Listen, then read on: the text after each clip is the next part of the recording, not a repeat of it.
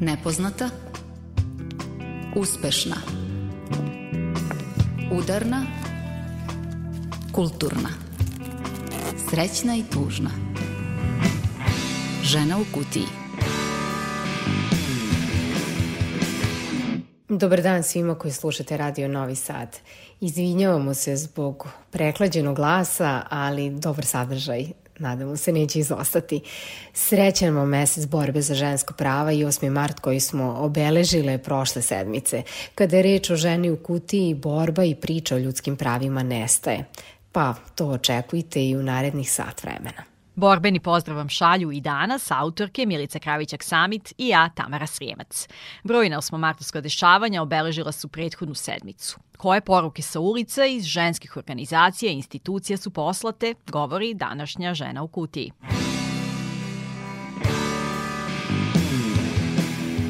Za radna prava, za pravdu, za mir marširale su žene i ove godine u Beogradu 8. marta na Dan žena.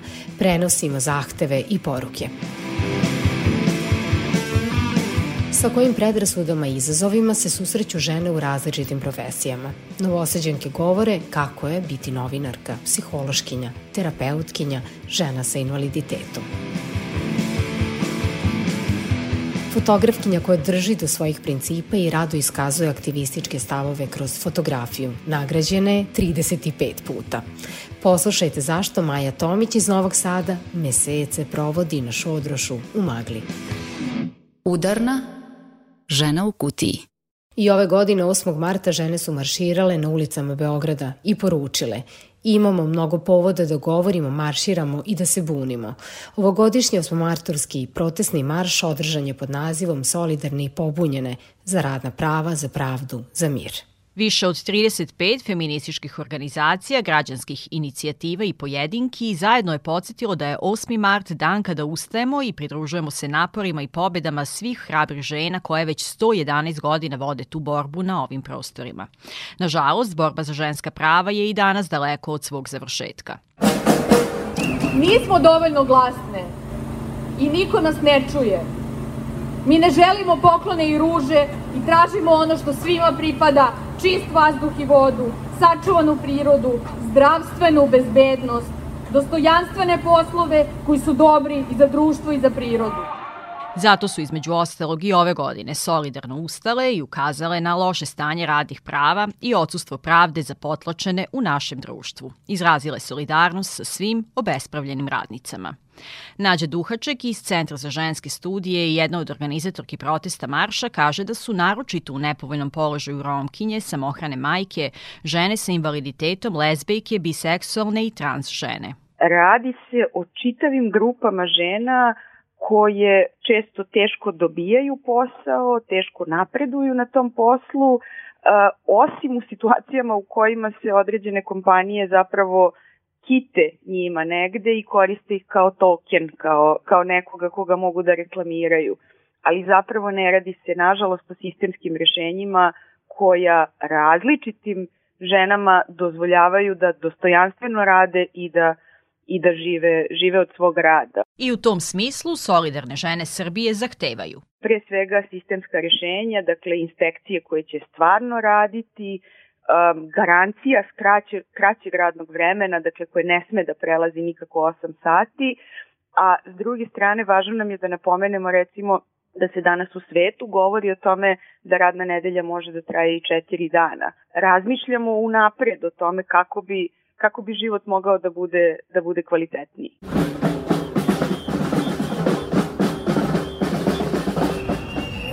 Dakle, zahtevamo da se zakonska rješenja koja već postoje sprovode, to je jako važno, ali s druge strane ima mnogo prostora za recimo poboljšanja u zakonu o radu. Takođe, kad govorimo o radu, dodala bih još jednu jako važnu temu, a to je uh, zahtevamo pravedniju raspodelu kućnog rada. Dakle, ne smemo, ne smemo samo da se zadržimo na na ovoj nekoj na tržištu i na ovaj i na javnoj sferi jako je važno da i kod kuće um, polako menjamo, menjamo navike i, i raspodelu posla. Sistemska rešenja moraju da postoji kada je reč o nasilju prema ženama. Broj ubijenih žena u porodično-partnerskom nasilju i dalje je najdrastičniji pokazatelj kako nismo društvo u kojem je dostignuta rodna ravnopravnost. I zato aktivistkinje poručuju i traže da institucije adekvatno i blagovremeno rešavaju problem rodno zasnovanog nasilja. A više stotina ljudi, pretežno žena, šetalo je 8. marta ulicama Beograda. Nosile su transparente kojima su između ostalog poručile. Nećemo nazad. Branimo svoja prava. Demokratija u kući, demokratija u državi. Feminizam je naš izbor. Izuću svaku čizmu koja me tlači. Žene zajedno grade mir – Ženske organizacije, feminističke aktivistkinje, pobunjene žene sa osmomartovskog marša pozvale su i na mir u Ukrajini, ali i Afganistanu, Jemenu i Siriji. Feministički pokret, pokret za ženska prava, e, ima dugačku istoriju saradnje sa, sa mirovnim pokretima, kako, e, kako u Srbiji, u Jugoslaviji, tako i u svetu. E, u ovom trenutku, s jedne strane, jesmo preplavljene vestima, vestima u Ukrajini i to pomera način na koji poimamo ceo, ceo svet u ovom trenutku, ali važno nam je bilo da skrenemo pažnju na činjenicu da su se sa ovim ratom pojavile ponovo priče, na primjer o tome da evo sada postoji empatija za ove ljude zato što su beli ili zato što su u Evropi ili zato što su nam na neki način slični, a da s druge strane tu istu vrstu empatije nažalost nismo videle kada se radilo o ovim drugim ratovima koji još uvek traju i važno nam je negde da, da sagledavamo širu sliku. Mir mora da se gradi strukturno, važno nam je da se feminističke perspektive uključuju u mirovne pregovore, da ti pregovori počnu što pre i da se gradi mir koji će, koji će moći da traje. Pridružujemo se solidarnim i pobunjenim ženama i trudit ćemo se da se glas žena čuje jače. A glas muzičarke Konstrakte je proteklih nedelja baš odjeknuo, na našu sreću. U prošloj emisiji smo slušale sad već pobedničku pesmu za Euroviziju Incorpore Sano. Čestitamo joj i ovim putem i slušamo njenu muziku i u današnjoj ženi u kutiji. Pred pesmu za Euroviziju 2022. Konstrakte objavila i video triptih sa tri pesme, čiji jedan deo incorpore sano. Koncept za triptih umetnica je osmislila zajedno sa Majom Uzelac i Anom Rodić. Danas slušamo Noble, Konstrakta. Klavir čini da mi moj mali stan izgleda noble. Brown drvo i zlatni napis Petru etidu. Moja čerka svira, ja slušam i tad smo kao noble. Imam i kartu Jadranskog mora iznad klavira. Karta čini da mislim na Italiju. Come stai? Tutti frutti, colpo grosso, Sorrentino. Mladi papa druga sezona. Sharon Stone peta epizoda. A Sharon se ne botoksira, Sharon Stone se ne botoksira A Sharon se ne botoksira Pričala je da se zaključala jednom u kupatilo.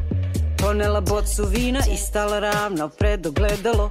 Sharon Stone se nebo toksira Gledala je svoje lice u ogledalu Gledala je svoje telo i plakala i plakala I plakala.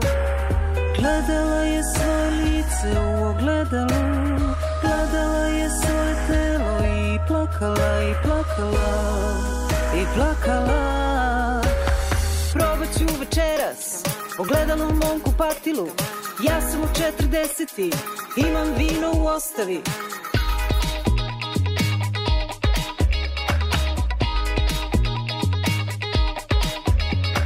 Felicita Na na na na na na na na na Felicita Imam i sliku u lepom ramu, ulje na platnu Francuska slikarka Fej Rođena 1912 Kao i moja baba Desan Pej u Parizu slika gradove u izmaglici. Desanka u Glibovcu čita sudbine u džigerici Slika čini da mislim na Pariz U kom nisam bila. Džabe sam sedela, učila jezik. 12 godina, nastavci za prezent i futur Tebe na sadašnja, bivša, buduća. Ulazim, ušla sam, ući ću. Odlazim, ušla sam, ući ću. Večeras u kupatilo sa bocom vina ponavljam sledeći stih. Vjejir, vjejir, se salavni Gledala je svoje lice u ogledalu Gledala je svoje telo i plakala i plakala I plakala.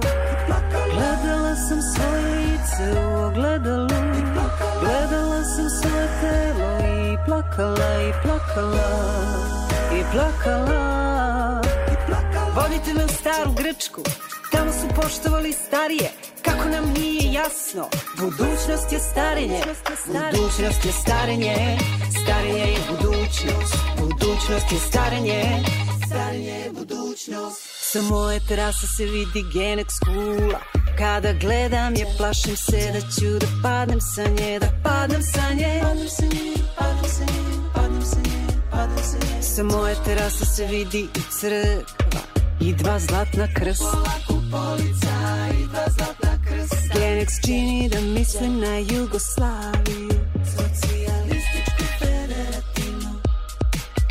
Crkva čini da mislim na Srbiju. Tu ću umreti. Zar ja da umrem? Koji užas? Zar ja da umrem? Koji užas? Zar ja da umrem? Možda baš ja neću? Užas. Uspešna. Žena u kutiji.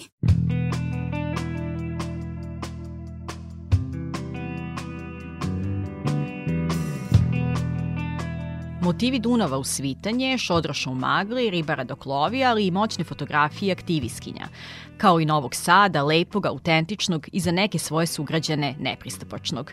E, sve to 13 godina uspešno beleži svojim fotoaparatom Maja Tomić. 35 puta je za svoje radove nagrađena, a sa Milicom je o svom radu razgovarala na daljinu.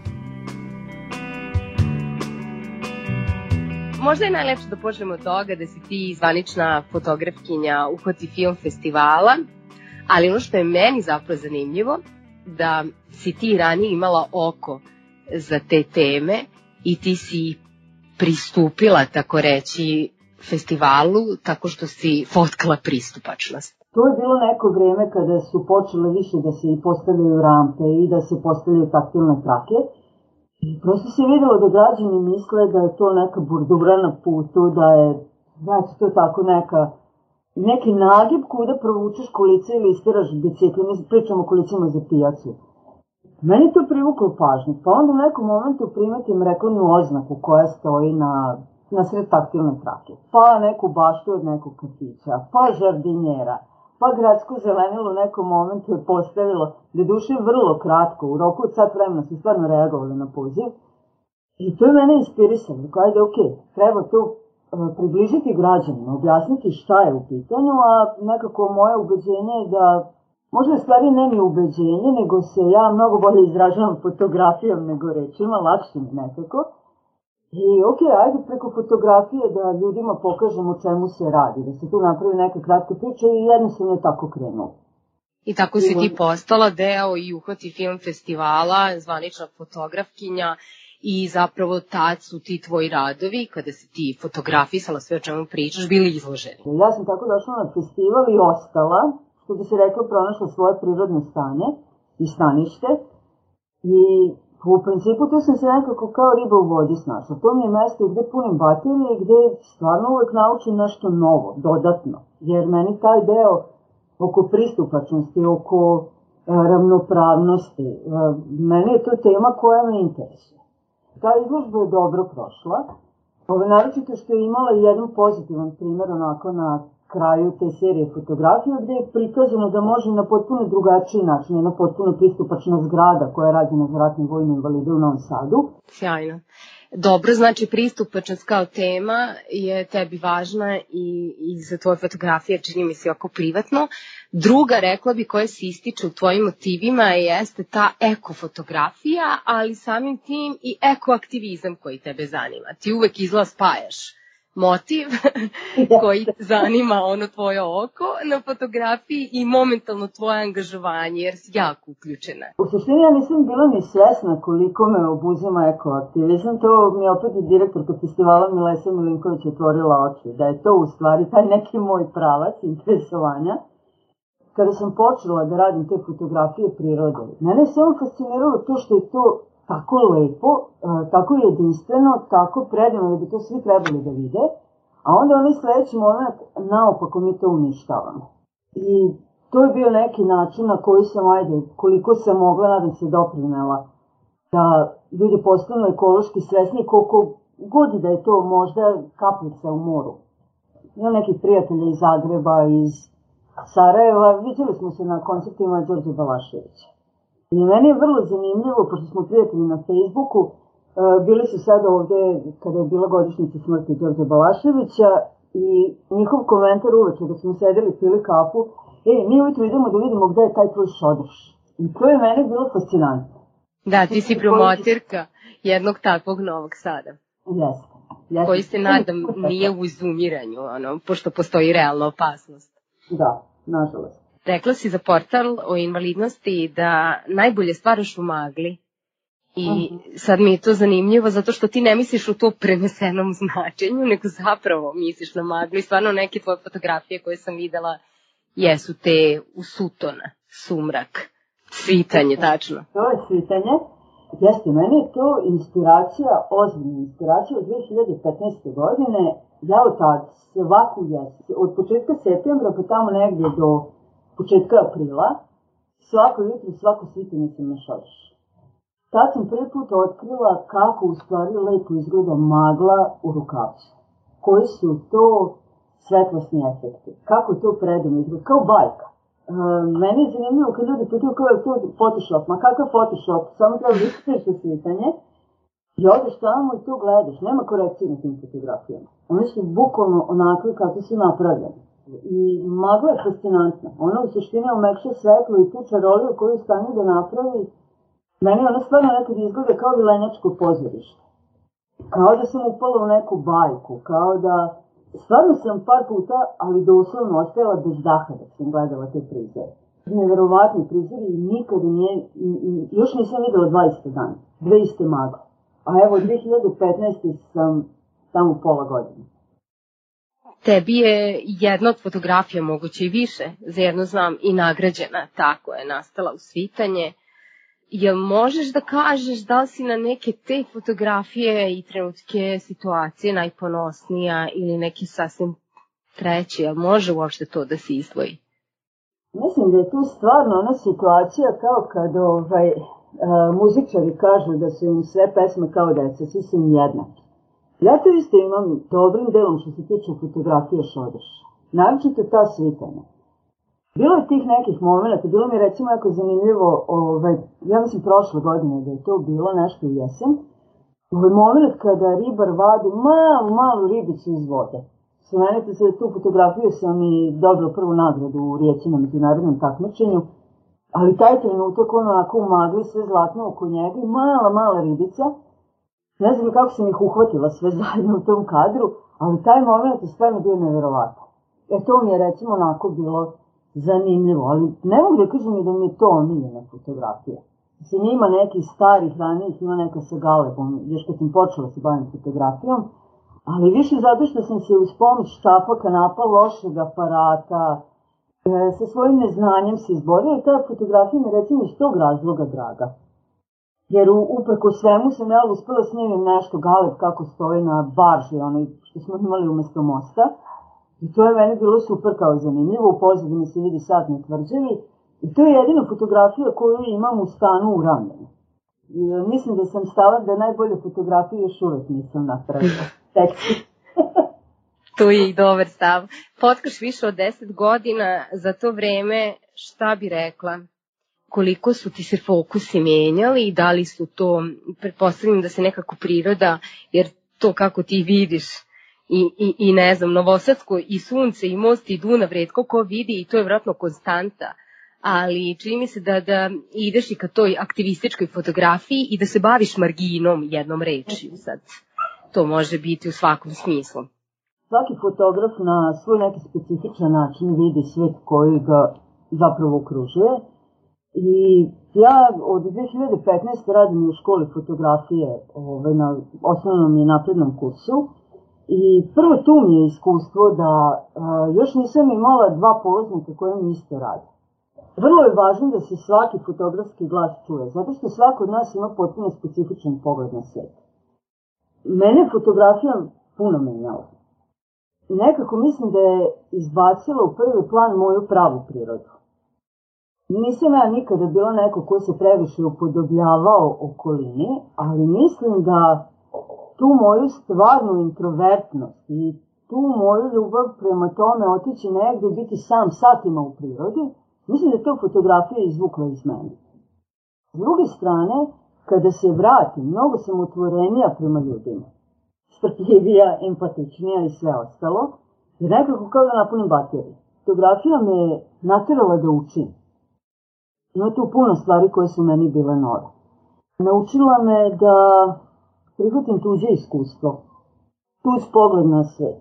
Naučila me da vidim stvari iz drugih uglova. To je u fotografiji vrlo zanimljivo i to su me obično stariji fotografi učili da jako je važno pogledati taj neki kadar koji mi prvo vidimo, jako je važno pogledati ga iz raznih uglova. Tek kada ga pogledaš iz raznih uglova vidiš u stvari još nešto drugo. I to je upravo ono što je recimo bitno i za aktivizam. Nije dovoljan samo moj pogled, uvek je važna jedna druga strana i treća strana i kako to izgleda od gore i kako to izgleda od dole i kako to izgleda s jedne strane, kako to izgleda sa protivničke strane. Mislim da me to fotografija naučila, da malo proširim pogleda. Fotografija nekada kao kada gledamo kroz ključavnicu, vidimo neku sitnicu, jedan delić sobe, a zapravo izvan toga postoji čitav svet. Dugo me zanima dokumentarna fotografija i reporterska i Međutim, svesna sam da je to fotografija koja jako puno traži, upravo tu širinu, daje jako puno odgovornosti. Jedno je fotografisati svitanje. Jedno je lepo uhvatiti maglu, jedno je na specifičan način uhvatiti sat na tvrđavi ili dve bake kako šetaju. To je jedno. Ovi dana smo imali reportersku izložbu u Novom Sadu na trgu. Fotografije iz rata koliko je to specifično i koliko je važno i koliko je odgovorno za jednog fotografa da to prikaže na ispravan način, da ne stvori još više predrasuda, da ne izazove diskriminaciju, već da naprotiv, kod ljudi probudi empatiju, da probudi neko dublje razmišljanje na tu temu. I svesna sam da to jeste neki moj put, ali moram priznati da sam prilično teška da se uputim tim smerom, jer sam jako svesna odgovornosti jako si lepe misli iznela i baš su važne te tvoje refleksije i odgovornosti i tako dalje. U poslednje vreme stvarno dobijaš nagrade i ako sam negde dobro videla ima ih 30-ak, eto možda i znaš tačan 35 nagrada. Jesu to momenti gde, gde stvarno dobijaš dodatnu motivaciju, pa onda imaš i pravo da razmišljaš i o nekom napretku i možda o promeni fokusa i produbljivanju i možda dokumentaristici Meni nagrade jesu važne, obraduju me.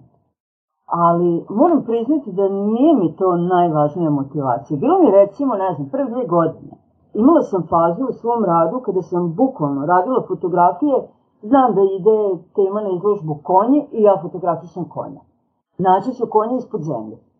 I onda sam shvatila kao, ok, mislim čemu, niti sam inspirisana, niti samo klikćem, stvaram nešto bez duše, bez fotografije koje ni ja ne pamtim. I onda sam, da tako kažemo, kaznila sebe na godinu dana neučestvovanja na izložbama. I rekao, ok, da li radiš fotografije zbog nagrada i da li si spremna da radiš i fotografije koje neće dobiti aplauze, jer neke fotografije nikada neće dobiti aplauze, mogu neki foti kada iscimaju našu savest nisu nam u startu previše dragi. Ne smemo raditi za aplauze, ne smemo raditi za nagrade neke aktivističke teme nisu popularne. I ako ćemo čekati da nas tapkaju po ramenu za nešto što smo napravili, ne činimo dobru stvar. Nekada treba rizikovati i biti nepopularan i to je skroz ok. E, gledam da mi to bude stav. Nisam imala situaciju da me baš neko otvoreno iskritikuje za nešto što sam prikazala na fotografiji, ali imala sam situacije gde primetim da mi je fotografija hm, previše ukazivala na jel da, političku situaciju u Srbiji ili previše ukazivala na neke društvene probleme i e, bilo je nekih, ovde ne pričamo o fotoklubovima, pričamo o nekim nezvaničnim takmičenjima, tako, zvanično nezvaničnima, Međutim, ja vrlo tvrdoglavo šaljem. Ono što ja smatram da je ispravno, je ako se traže žene aktivistkinje, ja pošljem Stašu Zajović. Pa, ok, ako žene u crnom nisu aktivistkinje, u redu. Koje su tri ili nekoliko onako, po tvojom mišljenju, trenutno najvažnijih tema u Novom Sadu ili u Srbiji? Pa po meni e, najvažnija tema je u Novom Sadu i cijeloj Srbiji trenutno ekologija. Pa evo, da izađem za pola sata napolje, ne znam da li ću moći da trčim, pošto je vazduh ko zna kakav. Vrlo je ozbiljna tema o kojoj možemo da pričamo i siromaštvo. Sve više građana je siromašno. Dolazimo u situaciju da jako puno ljudi e, danas nema obrazovanja, ne zato što su lenji, zato što neće da uče, već zato što je obrazovanje postalo preskupo.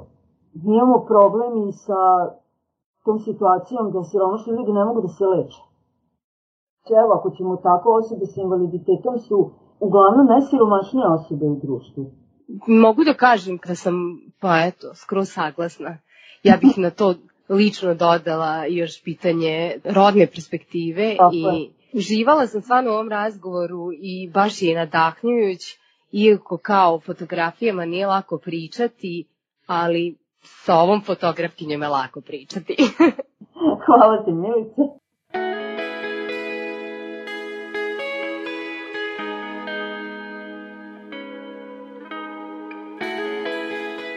Ognjenka Lakićević nastavlja svoj muzički projekat Olja u saradnji sa nezavisnim izdavačkim kolektivom Pop Depresija Kišobran. Prvi singl smo već vrteli u našoj emisiji, a tek objavljeni drugi slušamo danas. Kako kaže autorka, pesma tematizuje gubitak o čijim ogromnim i nekada trajnim uticajima na život pojedinca nedovoljno govorimo. Cvićeva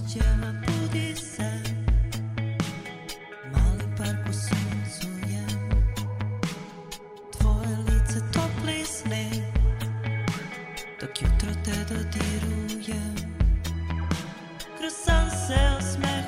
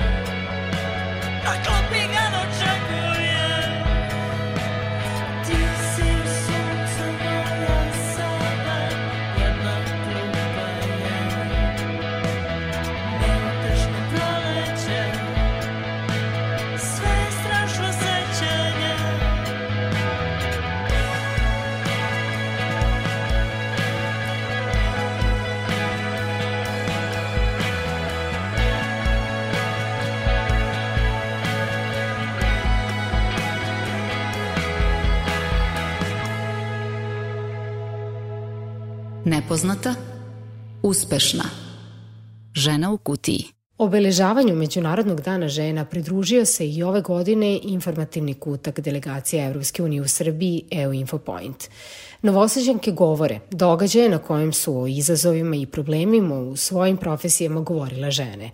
Doktorka Nada Padeski Šekerović, rukovoditeljka Sigurne ženske kuće. Nataša Kovačev, novinarka Euronjuza Srbija, Tatjana Stojišić-Petković, psihoterapeutkinja iz kruga Vojvodina. Ti si Tamara takođe bila učesnica tribina, pa prenesi nam utiske i činjenice. Predrasude zato što su žene. To je ono sa čime se svako od njih makar jednom sreo u svojoj profesiji.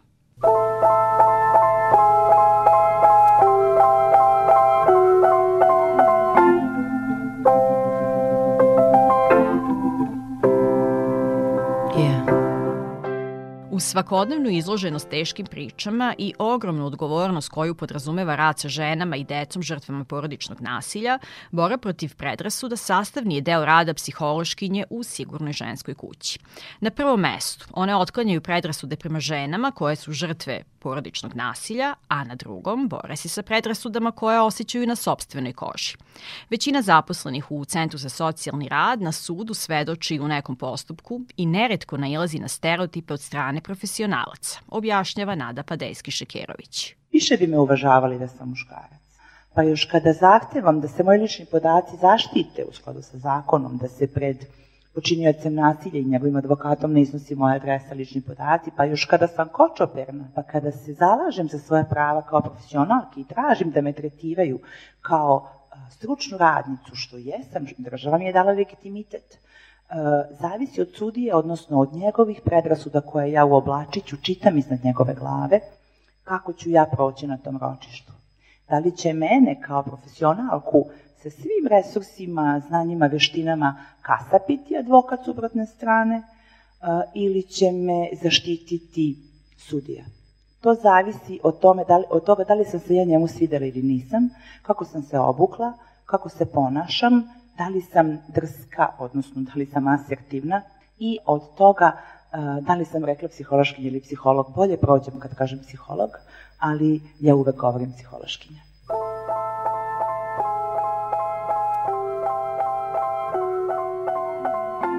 Možda bi me gledao drugačije da sam muškarac, da postavljam to pitanje koje sam postavila, ili recimo kada sam izveštavala sa nekih terena, sa nekih događaja koji se uglavnom smatraju muškim terenima i tu vas posmatraju onako malo neobično, kao šta ćeš ti kao žena tamo, šta ćeš ti u Ukrajini, šta ćeš ti, ne znam, na raznim stranama. To priča Nataša Kovačev, uz napomenu da sebe ipak vidi kao novinarku koja ima privilegovanu poziciju, jer već dugo radi u medijima koji podjednako uvežavaju i žene i muškarce u poslu. Al Jazeera Balkans, N1 i sada Aero News Srbija. Međutim, kada ode dublje u analizu, evidentno je kaže da čelne pozicije odlučivanja i moći u redakcijama uglavnom zauzimaju muškarci.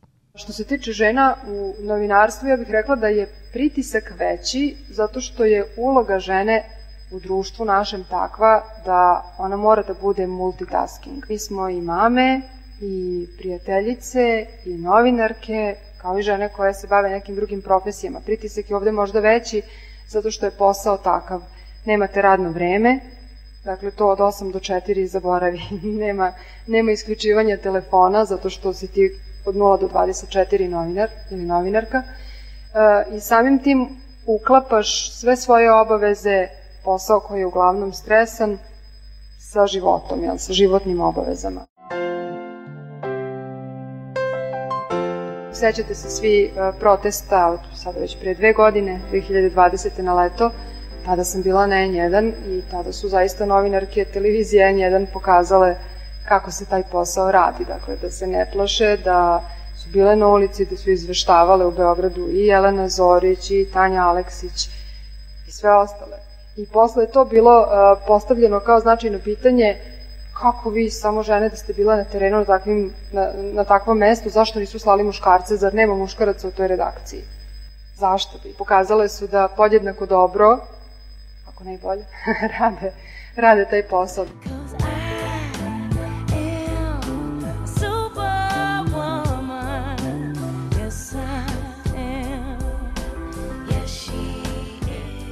Prekarni rad, male plate, pretnje, cenzura, pritisci, to su univerzalni problemi novinarske profesije. Šta se dešava ako u celu priču dodamo rodnu dimenziju? Kako se u javnosti percipira specifično rad novinarki, objašnjava Nataša Kovačev. Kada govorimo o novinarkama, njihov rad će se kritikovati ne samo kroz ono što su uradile i naravno nekim argumentovanim kritikama, nego će se pre svega kritikovati zbog toga što jesu i kako izgledaju. Uvijek je taj komentar kako neko izgleda, kako neko govori, kakva je kosa, ja sam imala slične komentare zbog svoje frizure sadašnje, šta je ta šiška znači, šta sad to što time pokušava da, da pokaže. Mislim, nekad se to naravno pogodi, ali kada malo sedneš i razmisliš o tome, onda shvatiš da, da zaista nije važno šta neki anonimus na nekoj društvenoj mreži piše. Ne osvrće se mnogo ni Tatjana Stojšić-Petković, terapeutkinja koja radi sa ženama sa invaliditetom sa iskustvom nasilja, sa romkinjama, sa žrtvama seksualnog nasilja i osobama sa intelektualnim invaliditetom. Međutim, borba sa predrasudama ni njoj nije strana. Prvo radno mesto kao psihološkinja je bilo u domu u Veterniku, za decu sa smetnjama u mentalnom razvoju, tad se tako zvao, zvala ta institucija, i sećam se komentara mojih vrlo bliskih prijatelja i porodice, pa kao, zar ti nije dovoljno težak tvoj život pa da kao radiš tamo? Ja kao, mislim, o čemu vi pričate, prvo život, to što nije težak. To što ja u invalidskim kolicima ne znači da sam ja treba da, ne znam, sad i plačem i da se, ne znam, uvijem u crno, pa nisam nepokretna. To što koristi invalidska kolica ne znači da sam nepokretna. Ali i, i uopšte posmatrati osobe sa bilo kojom vrstom invalidita, sa bilo kojom vrstom problema kao grupu problematičnu, znači to, to ne. Posao kojim se bave psihološkinje naše sagovornice podrazumeva svakodnevnu izloženost teškim pričama koje uvuku i troše. Kako napraviti distancu, jedan je od izazova njihove profesije. Recept ne postoji. Svako je drugačiji i svakom treba drugačija vrsta resetovanja. Ovaj, ja sam negde e, poznata po tome što uvek radim paralelno, bar dva, tri posla. To je većina žena, prosto to nam je tako. Ne treba da bude uvek tako i ne mora da bude uvek tako. Ali s druge strane, nekako kao da ne prihvatam baš svoje godine i da, da bi trebalo malo možda da usporim i malo više da se okrenem nekim poslovima koji su mirni, ali očigledno moj duh nije takav, pa to i ne mogu. Ali to da ja ostavim um, da ne, mogu, da ne mislim o nečemu što sam čula s nekim koji sam radila, to je nemoguće. Ja sam danas preuzela u Centru za socijalni rad službenim kolima e, ženu i dvoje dece. Odvezla sam ih u sigurno žensku kuću i ja sam uhvatila sebe kako njima 25 minuta pričam uh, o tome šta je sigurna ženska kuća na bajkovit način. Ja sam se godinama trudila da nađem neki, neki model kako sada da iz situacije A uđem u situaciju B sa svojim detetom, mužem, da ne znam kom ručak i slično. Ali to je, meni prosto to ja, prosto to nisam uspela, onda sam se samo još lošije osjećala, jer sam se trudila nešto da uradim što je nemoguće. Ja sa tim ženama komuniciram i dalje, ne, negde u svojim mislima, ne možete da, da se isključite iz neke situacije. Dakle, ja vozim, gužva je u saobraćaju, Zvoni mi telefon sto puta i za mene su dečak i devojčice sa 4 i 5 godina, njihova mama koja krije suze koje kaplju na suvozačevom sedištu. Dakle, deca odlaze uh, negde gde je bezbedno, jer kod svoje kuće nisu bezbedni uh, i ja im pričam ono što je tačno, kako u sigurno ženskoj kući postoji igraonica, kako postoje veliki televizori, kako postoji dvorište sa ljuljaškama, toboganima i pokušavam to da prikažem na najmekši način i kažem idemo kod nas u kuću i sad pazite, oni moraju da budu u izolaciji zbog uh, korone i onda uh, ja njima pričam kako ćemo da nositi igračke nove tri puta na dan, što je realno. I razmišljam kako ja sad obrađujem sto emocija. Obrađujem svoje emocije jer samo što ne zaplačem, posle 15 godina rada, jako mi je teško kada su u pitanju mala deca koja su svašta videla, deca drugačije posmatruju nasilje i odmah sebe krive. Onda u sebi razmišljam zašto je još epidemija, kad će da prođe vreme izolacije i brojne druge informacije mi prolaze kroz glavu. A brojne informacije, emocije, utisci prolaze kroz glavu i Nataši Kovačev svaki put kada izveštava o ljudima kojima je ugrožena bezbednost i osnovna ljudska prava. Izveštavala je o poplavama, migratskim krizama, sve proteste, ratom zahvaćenih područja, a nedavno se vratila iz Mađarske, Poljske i Slovačke, da je izveštavala o izbegličkoj krizi izazvanoj ratom u Ukrajini. Mislila sam da sam napravila distancu. Kad kažeš oguglaš na nešto, ali zapravo ne. Svaki put, svaki teren ostavi ponovo trage. Evo ovaj poslednji, bili smo na granici između Mađarske Ukrajine, Slovačke Ukrajine i Poljske i Ukrajine. Išli smo, dakle, taj krug smo napravili i tužno je.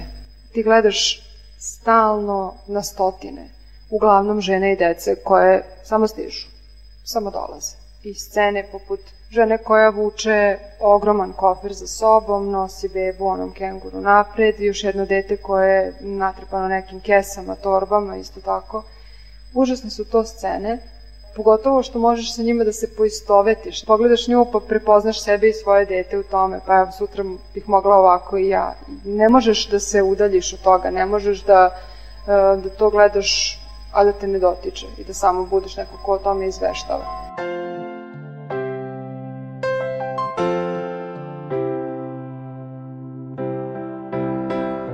Dosta sam ranije čitala o, o, o novinarima koji su, sad to je strašno zvučalo, izvršavali samoubistva nakon nekih, uh, nekih scena kojima su prisustvovali ili priča koje su napravili, fotografije koje su zabeležile, za koje su dobile i Pulicerove nagrade. I to možda najbolji pokazatelj koliko to utiče na tebe koliko ti ne možeš da se udaljiš od toga i da postaviš neku barijeru između. Izazovi rada sa ženama sa invaliditetom koje su žrtve nasilja izašli su na video naročito tokom epidemije. Svedoči Tatjana Stojšić-Petković. Kada imate već neku poziciju da ste u nekoj vrsti straha, da ste spustili neke svoje potrebe i kriterijume na minimum, onda vam se od gore servira emocija straha dodatna, onda su žene s moje tačke gledišta, ono što je moje iskustvo, jako različito reagovali. Znači, radila sam sa ženama koje su potpuno odbijale da prihvate da to postoji. To je znači da su one izlazile, da nisu poštovale pravila, epidemiološka pravila i sve ostalo, ali su odbijale da pričaju o tome, oni pričaju o svom životu, o tome što, šta imaju, kakav problem imaju, ne znam, partner, ekonomsko nasilje, nedostatak financija, nemogućnost da nešto uradi i slično, do one koje su ušle potpuno u paniku, iz koje nisu izlazile.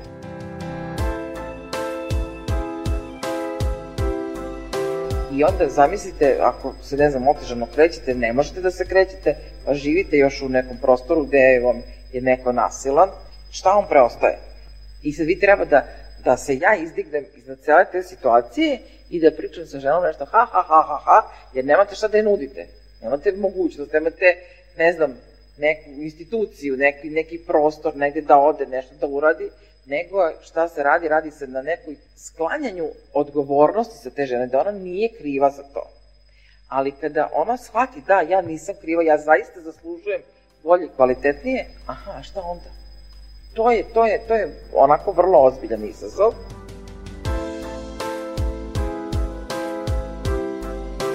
Ja svaki put moram sve da izbrišem što znam. Vrlo često se pripremim za razgovor, razmišljam koje su to potencijali koje ta žena ima na kom, čemu treba da radim, i da shvatim to ne vredi. Znači moram da sluškujem šta je ona trenutno u mogućnosti da čuje. I'm a I zbog svega navedenog, važno je da profesionalci budu svesni da postoje četiri psihološka procesa kroz koja prolaze pomagači, objašnjava psihološkinja Nada Padejski-Šekerović. To su zaposleni u tužilaštvu, sudstvu, novinari, novinarke, psihološkinje, pedagozi, socijalni, zdravstveni radnici i radnice koji se specifično bave, na primjer, trgovinom ljudima, nasiljem u porodici i sl. Prvi fenomen je vikarijska traumatizacija. Kad vi radite sa ljudima koji imaju neku muku, vaš pogled na svet se neminovno menja vremenom. I većina nas, sada ovde prisutnih, bi mogla da se seti kako mu se postepeno menjao pogled na svet i na život zbog posla, zbog muka ljudi s kojima je radio.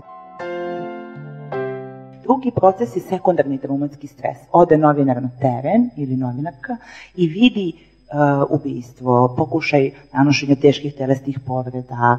Mi slušamo iskustva, traumatske iskustva žrtava nasilja, žrtava trgovine ljudima. Uh, lekar uh, ima iskustva da mu pacijent umre. Tužilac sluša najstrašnije priče, torture. Dakle, sekundarni traumatski stres znači bukvalno prisustvo nekom traumatskom događaju, ali iste sekundarne uloge. Treći proces je empatski zamor. To je ono kada profesionalci kažu ja ne mogu više da ga slušam. Svaki lekar je nekad to doživao, svaki psiholog, svaki novinar. Ne mogu više da slušam klijenta. To je prirodan proces, važno je da ga profesionalac prepozna i da ne dozvoli da to postane njegova svakodnevica, već da radi na otklanjanju tih posledica. Poslednji proces je izgaranje, profesionalno izgaranje. Ljudi poistovećuju, misle da su sva ova četiri procesa iste i nazivaju ih izgaranjem, jer vide da nešto neštima, ali ih pogrešno nazivaju.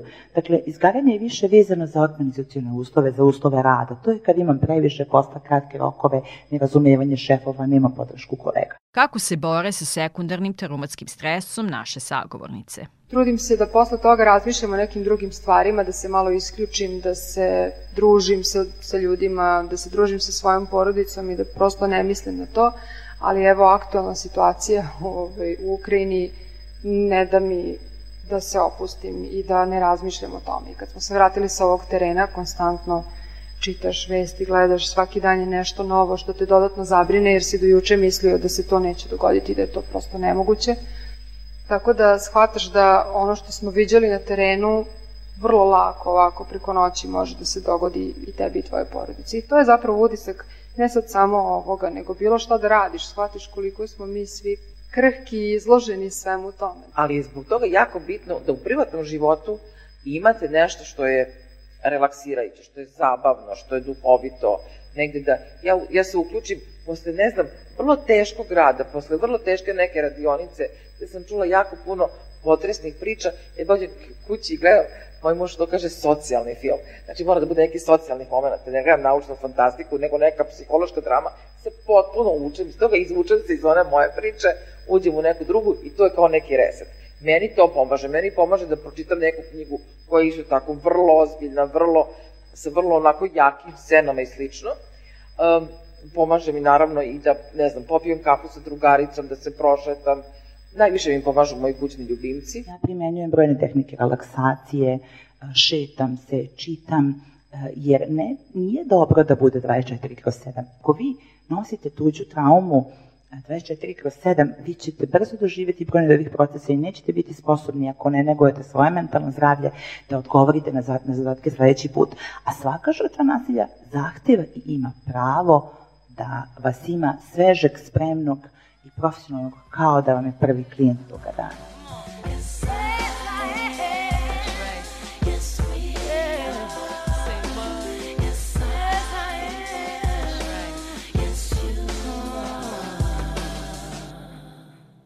A svoje borbe Tatjana Stojišić-Petković vodi vrlo često uz osmeh. Aktivno praktikuje smeh jogu kao terapiju i preporučuje je svima. Ali ajmo sada da završimo, ako se slažeš, ovaj, sa jednom malom smeh vežbom, ako se slažete da svi pokušamo, ali morate da me imitirate i to će trajati bukvalno minut i onda ćemo se razići. Ha, ajmo zajedno. Ha, ha, ha, ha, ha, ha, ha, ha, ha.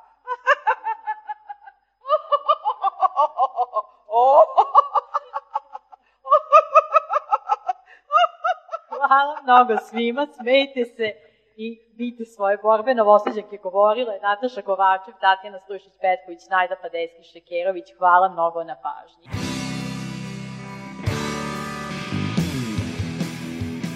Sa tim zaraznim smehom završavamo današnju ženu u kutiji. Hvala novosađankama i svim ženama i muškarcima koji se trude da progovore i istrajavaju u borbi za ravnopravnije društvo. Za dve sedmice ponovo sa vama Milica Kravićak Samit i Tamara Srijemac. Za ton današnje emisije zadužen Damjan Šaš. Hvala na pažnji i slušanju.